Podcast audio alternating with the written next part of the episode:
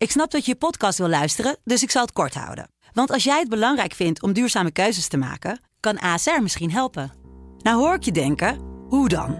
Nou, bijvoorbeeld bij het duurzaam herstellen van schade. Of de premies die we beleggen volgens ons duurzaam beleggingsbeleid. Dat bepaalt waar we wel en juist niet in investeren.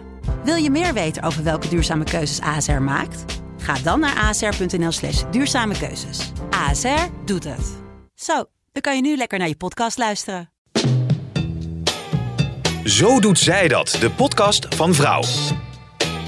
Mariket Hart en Sabine Leenhout zijn vrouw-vrouwen van het eerste uur. Maar hoe doen zij het eigenlijk?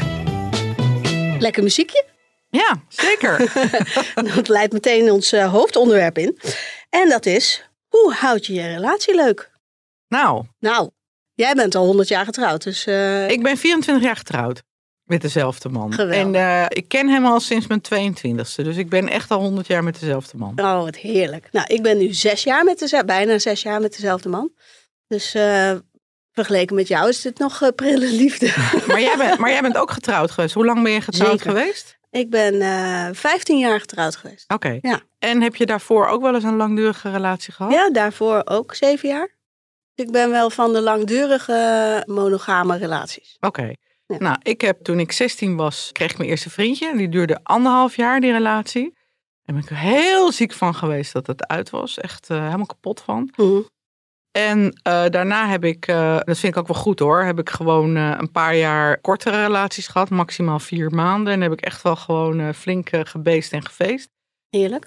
ja, totdat ik Jeroen tegenkwam met wie ik dus nu al zo, zo ontzettend lang ben. Ja, fijn. Ja. En um, is het nog leuk? Ja, ik vind het heel leuk, echt. Ik heb nog nooit gedacht van ik zou bij hem weggaan of moeten we gaan scheiden of ben ik ergens anders beter af. Of uh, mijn dochter die zei laatst, oh ik wil hetzelfde als wat jullie hebben. Mhm. Mm -hmm. En ik denk dat ons grote geheim is dat we elkaar heel vrij laten.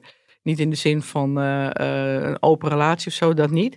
Maar wel, dat, bedoel, hij heeft zijn eigen vrienden, ik heb mijn eigen vriendinnen. Hij gaat veel weg voor zijn werk, ik ga veel weg voor mijn werk. We laten elkaar wel helemaal gewoon onze eigen gang gaan. Ja. En wat ik ook heel leuk vind, het is mijn beste vriend. Als wij drie weken met elkaar op vakantie gaan en we zien alleen maar elkaar, wat, wat in de vakantie juist heel vaak gebeurt, want dan gaan we een verre reis maken en ik merk dan ook dat ik helemaal niet zoveel behoefte heb aan uh, andere mensen, dan zijn we nooit uitgepraat. Nee, nee. Nou, dat heb ik met Maarten ook. Dat is ook vanuit vriendschap uh, een relatie geworden. Uh, wij kennen elkaar inmiddels tien jaar en ik maakte zijn scheiding mee en uh, daarna maakte hij mijn scheiding mee. En dat was uh, puur op vriendschappelijke basis. En heel veel praten en heel veel tennissen, en, uh, maar ook heel veel lachen. En uiteindelijk werd ik gejaagd. Of ging ik zelf jagen, ik weet het niet precies. Maar na mijn scheiding werd het gewoon... terwijl andere mensen al heel vaak tegen ons hadden gezegd... nou, maar jullie zijn toch... Jullie zijn een setje hoor. Heb je dat zelf niet door? Maar dat hadden wij uh, zelf niet door. Ik dacht, uh, echt heel erg, maar ik dacht best wel lang dat hij gay was. Oké. Okay. en uh, en ik, ja, ik vond hem niet geil op een of andere manier. Ik dacht, nou, weet je, als die, dan zei ik wel eens tegen vriendinnen, nou, die dan tegen mij zeiden, oh, maar is hij dan niet jouw soort man? Nou, als, als ik daar ooit iets mee, mee zou hebben, dan moet hij me wel eerst tegen de kerk aanzetten, zeg maar. Heeft hij dat gedaan? Dat heeft hij gedaan. Hey, en, nou, niet tegen de kerk, maar wel. En waren er ook voordeur. mensen die dachten dat jullie gingen scheiden om, omdat jullie iets met elkaar hadden? Ja, nou, nee, nou dat weet ik niet. Misschien in het roddelcircuit. Oh ja. Maar het is wel zo dat mijn ex-man uh, veel, uh, die, die uh, is piloot, dus die, die was sowieso heel veel weg. En die had ook, als hij dan thuis was, had hij ook gewoon zijn eigen dingen die hij deed. Zijn eigen sporten en nog naar vrienden toe. En in die tijd uh, ging ik veel met vriendinnen om, maar, maar ook wel met Maarten en met, met andere vrienden nog. En dat sommige mensen wel zeiden, oh, uh, je hebt wel een innige vriendschap met een man. En nu achteraf, stel dat Maarten een dergelijke vriendschap met een vrouw zou hebben nu, mm-hmm. dan zou ik er wel uh, wat meer bovenop zitten, denk ik. Ja. Ondanks dat het bij mij heel onschuldig was, zou ik toch... Ik zou wel willen voorkomen dat, uh, dat die andere vrouw een uh, grotere rol zou krijgen dan ik. Maar zeg Ja. je daarmee dat je niet was gescheiden als je hem niet had uh, Nee. kennen? Nee, nee, absoluut niet. Nee, het staat helemaal los. Het staat echt, het heeft niks met elkaar te maken. Nee, en er zit ook, dat het romantisch werd, daar zit best wel veel tijd tussen. Ja. Dus, En eh, hoe hou je je, relatie nu leuk? Nou, wij zien elkaar niet iedere dag. Mhm. Uh, we wonen niet samen. Hebben ervoor gekozen om geen, geen samengesteld gezin uh, te worden. En omdat ook onze kinderen die in dezelfde leeftijdsgroep zitten. Toen, zes jaar geleden, ja, ja, ik dacht, jeetje, die hebben al zo'n verandering meegemaakt door de scheiding. En dan uh, wordt mama ineens verliefd en dan moeten ze weer zo'n enorme verandering ja. doormaken. Dat vond ik niet prettig voor mijn kinderen en dus ook niet voor mezelf. En het bijzondere van een relatie krijgen met iemand anders dan de vader van je kinderen, is dat je echt weer blanco begint. Ja. En zonder die moederrol en die vaderrol. Want onze exen zijn allebei nog in leven, dus die kinderen die zijn ook bij die ander. Ja, en dan kun je echt weer even, zoals je 18 uh, was, uh, verliefd zijn op elkaar. Dat is een andere Sabine dan de moeder van Bobby en Noah. Ja. Dat komt nu natuurlijk wel steeds meer, ja, horen de, de andermans kinderen horen in onze levens. Maar nou, wij hadden gewoon niet uh, de behoefte om dat te vermengen. Nee, nou, en dat gaat prima. kan ik me voorstellen. Hey, en uh, iets van 40% van de relaties uh, eindigt in een scheiding. Je hebt natuurlijk Mhm. zelf ook een scheiding meegemaakt. Mhm. Vind je dat mensen te snel uit elkaar gaan? Ja, soms wel. Ja, ik denk dat het wel een iets jongere generatie is. Die nog sneller uit elkaar gaat dan de vijftiger van nu. De jongere generatie die, die groeit ook een beetje op met het keuzegedrag. Hè? Dat swipe-gedrag. Dat ze, nou, ik wil nu deze film kijken en ik wil nu eh, ook het Tinder eh, van nou, deze is leuk en deze is niet leuk. En zodra iets dan niet meer helemaal naar de zin is, dan wordt het al snel ingeruild. Dus ik, ik denk dat dat wel iets eerder gebeurt bij, bij een dertiger van nu dan bij een vijftiger van Die dan meer eerder sleur ervaart. eh, Ja. ja. Nee, denk jij niet? Ik weet het niet, want ik hoor ook van eh, vriendinnen van mij die dus in de 40 of in de 50 zijn, die ook op Tinder zitten. Ja. Dat zij ook wel van mannen horen van, ja, het is hier, weet je wel, ik ben 30 jaar getrouwd geweest, nu zit ik op Tinder. Het is één grote snoepwinkel, weet Ja, je wel. Ik kan gewoon niet kiezen tussen al die leuke vrouwen. Ja. ja, dat begrijp ik ook wel. Ja, ja dat daar is ook wel wat voor te zeggen. Maar ja, dan, dan kies je er meteen al voor om geen langdurige relatie aan te gaan. Ja, alleen eh, moet je misschien wel tegen die vrouwen zeggen dat je daar niet naar op zoek bent. In plaats van eh, eerst hoop geven en dan eh, ja, ja, die ja. hoop Maar kun je dat in je profiel niet aangeven dan? Pas wel. misschien moeten we even iemand daarover bellen. Evelien Stallard bijvoorbeeld over eh, sleur in je relatie. En Ja. hoe je die kunt voorkomen. En, want dat vind ik wel een interessant onderwerp. Seksuologen Ja. van de MAFs. Precies. Ja. Want eh, ik kan me ook voorstellen dat veel stellen na een langdurige relatie, of in een langdurige relatie vinden dat het allemaal een beetje een sleur wordt en de seks ook. Ja. Gaan we even aan haar vragen. Hi Evelien, welkom. Hallo, Hallo.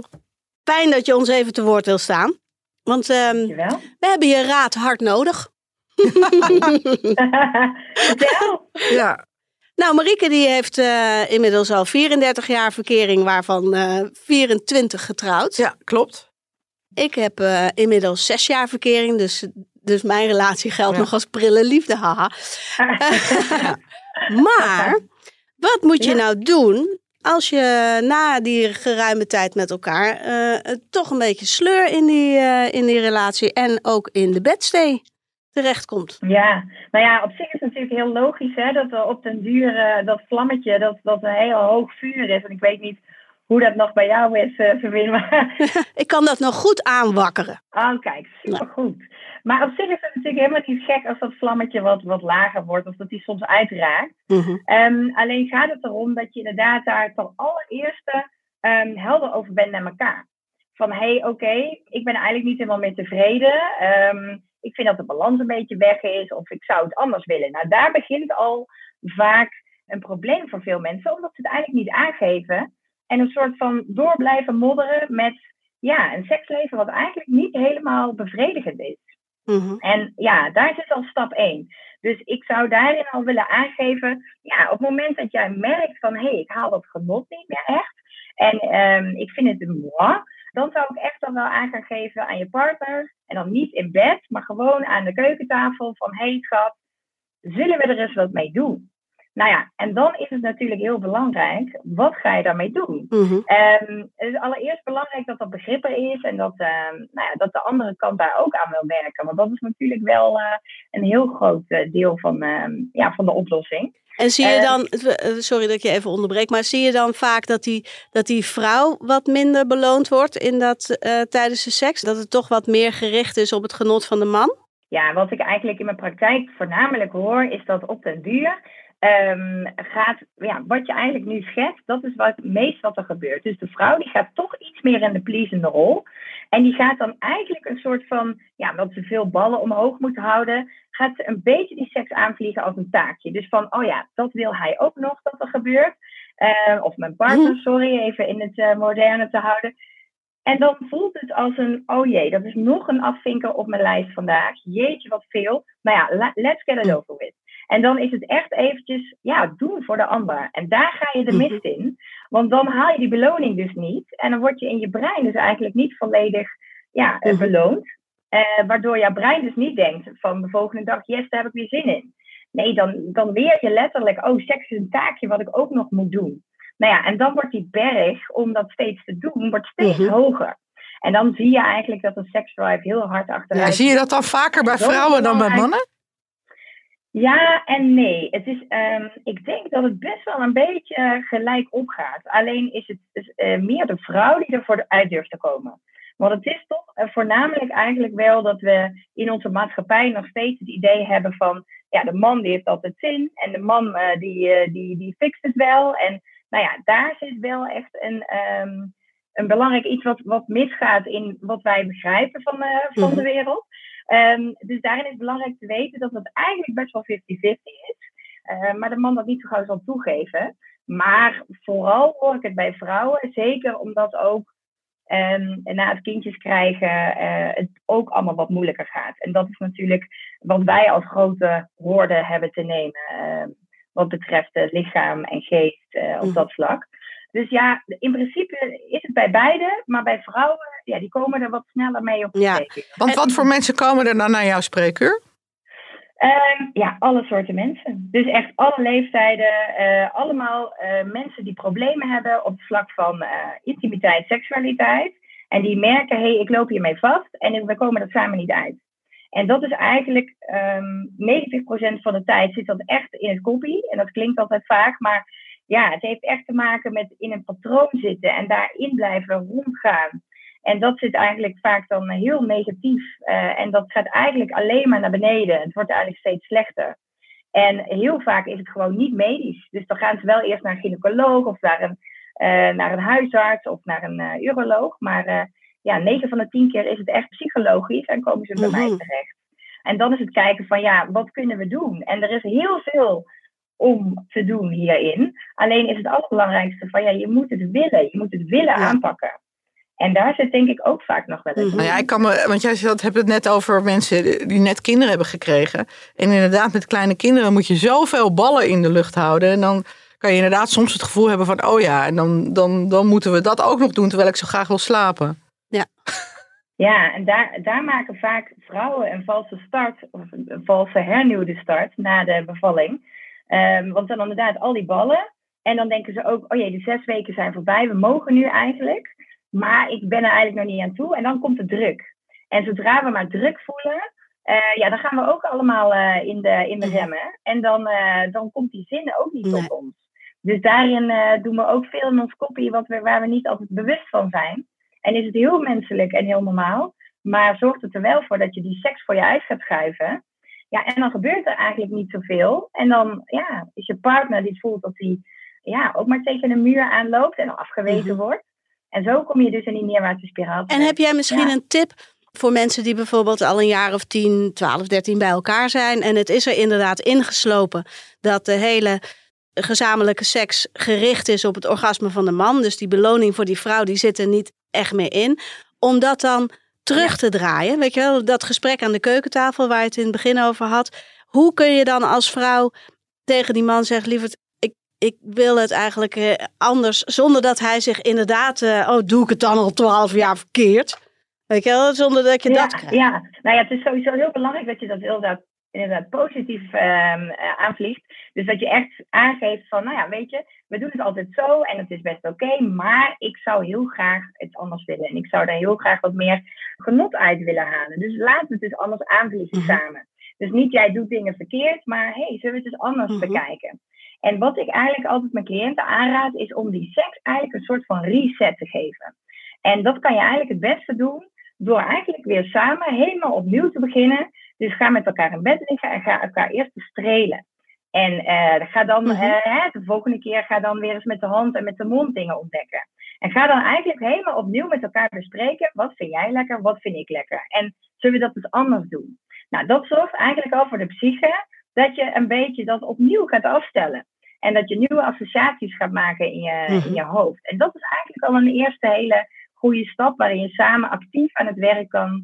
Ja, om dat Nou, dat lijkt me een fantastische tip. Ja, Zo doet, zo doet zij dat. hè? Wat ook een hele leuke is, en dat is dan een hele simpel iets om te doen, is dat recent is er naar, uit onderzoek naar voren gekomen dat als je met elkaar een seksuele eh, beleving terughaalt, dus iets waar je op een hele bijzondere plek hebt gedaan, of dat het heel intens was, en dat je dat met elkaar bespreekt, van weet je nog toen?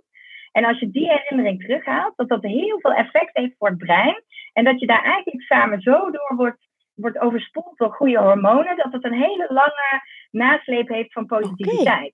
Dus dat is ook wel heel goed om, eh, om af en toe samen te doen. Wat een goeie. Ja, oké. Nou, Nou, dat is wel een Ja, bijzondere. ik, dat eh, geeft veel nieuwe inzichten. Nou, ja, leuk. Ja, maar, maar zijn jullie nog klaar voor de allerlaatste eh, Nou, sleutel? Want ik zeker. hoor jullie al een klein beetje tevreden zijn hiermee, maar ik denk dat er nog één nodig is. Mhm. is dat de allergrootste sleutel, en het klinkt een beetje saai, maar is moeite doen. En dan heb ik het niet, niet over dat lingerie setje aantrekken of proberen het op een andere manier dan maar weer vorm te geven, maar moeite doen. En dan bedoel ik, hè, als we in het begin verliefd zijn, wat, wat is dan de kracht? De kracht is dat, we, dat het nieuw is, hè, allemaal Mhm. spannend en weer onbekend. En de tweede, de kracht is dat we eh, moeite doen, want we willen ons beste zelf zijn en we willen die anderen een soort van binnenhalen van hé, hey, ik wil jou en eh, eh, kom Ja. maar bij mij. Die kracht van het nieuwe zijn we kwijt. Daar kunnen we niet, daar kunnen we niet tegenop. Dat is, dat Mhm. is gedaan. Maar het tweede gedeelte, moeite doen voor elkaar, dat kan wel. En dan bedoel ik dus moeite doen dat je die ander ziet, dat je die ander hoort, dat je echt actief voelt Mhm. samen.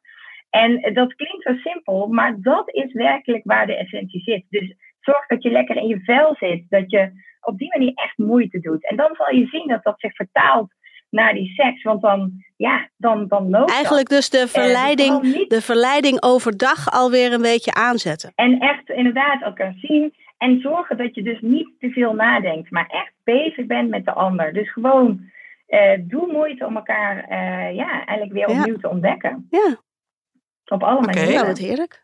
Dankjewel voor je tips en inzichten. Ja, Nou, nou dankjewel Evelien. Dankjewel. Heel fijn. Nou, dat waren prima tips. Ja, zeker. Wat vond je ervan? Ja, ik denk inderdaad dat het heel goed is om dat aan de keukentafel eh, te bespreken. Ja. Het zo doet zij dat. Taboe. Als zo'n man voortdurend afgewezen wordt hè, door zijn vrouw, dan kan ik me voorstellen dat hij het misschien toch op een gegeven moment buiten de deur gaat zoeken.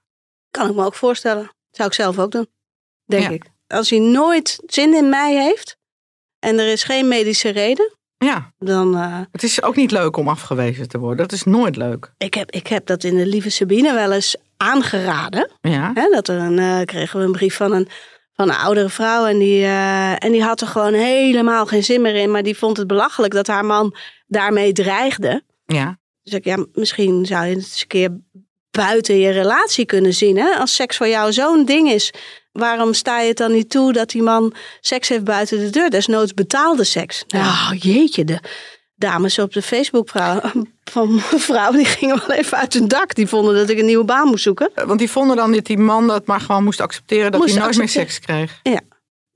Nou ja, en je zegt het precies goed, seks kreeg. Ja. Want zo ziet die groep, die ziet het af en toe zo. Ja, En zo zie ik het dus nooit, want seks krijg je niet. nee. Ja, je wil misschien een keertje eh, een vluggetje of zo en dan Mhm. heb je even zin in dat gevoel eh, snel. Maar seks krijgen, Ja, precies. Alsof het niet doen. wederzijds, eh, Ja. alsof het niet wederzijds is. ja. Ja, Ja. nou, ik moet wel heel eerlijk zeggen dat als mijn man het buiten de deur zou gaan zoeken.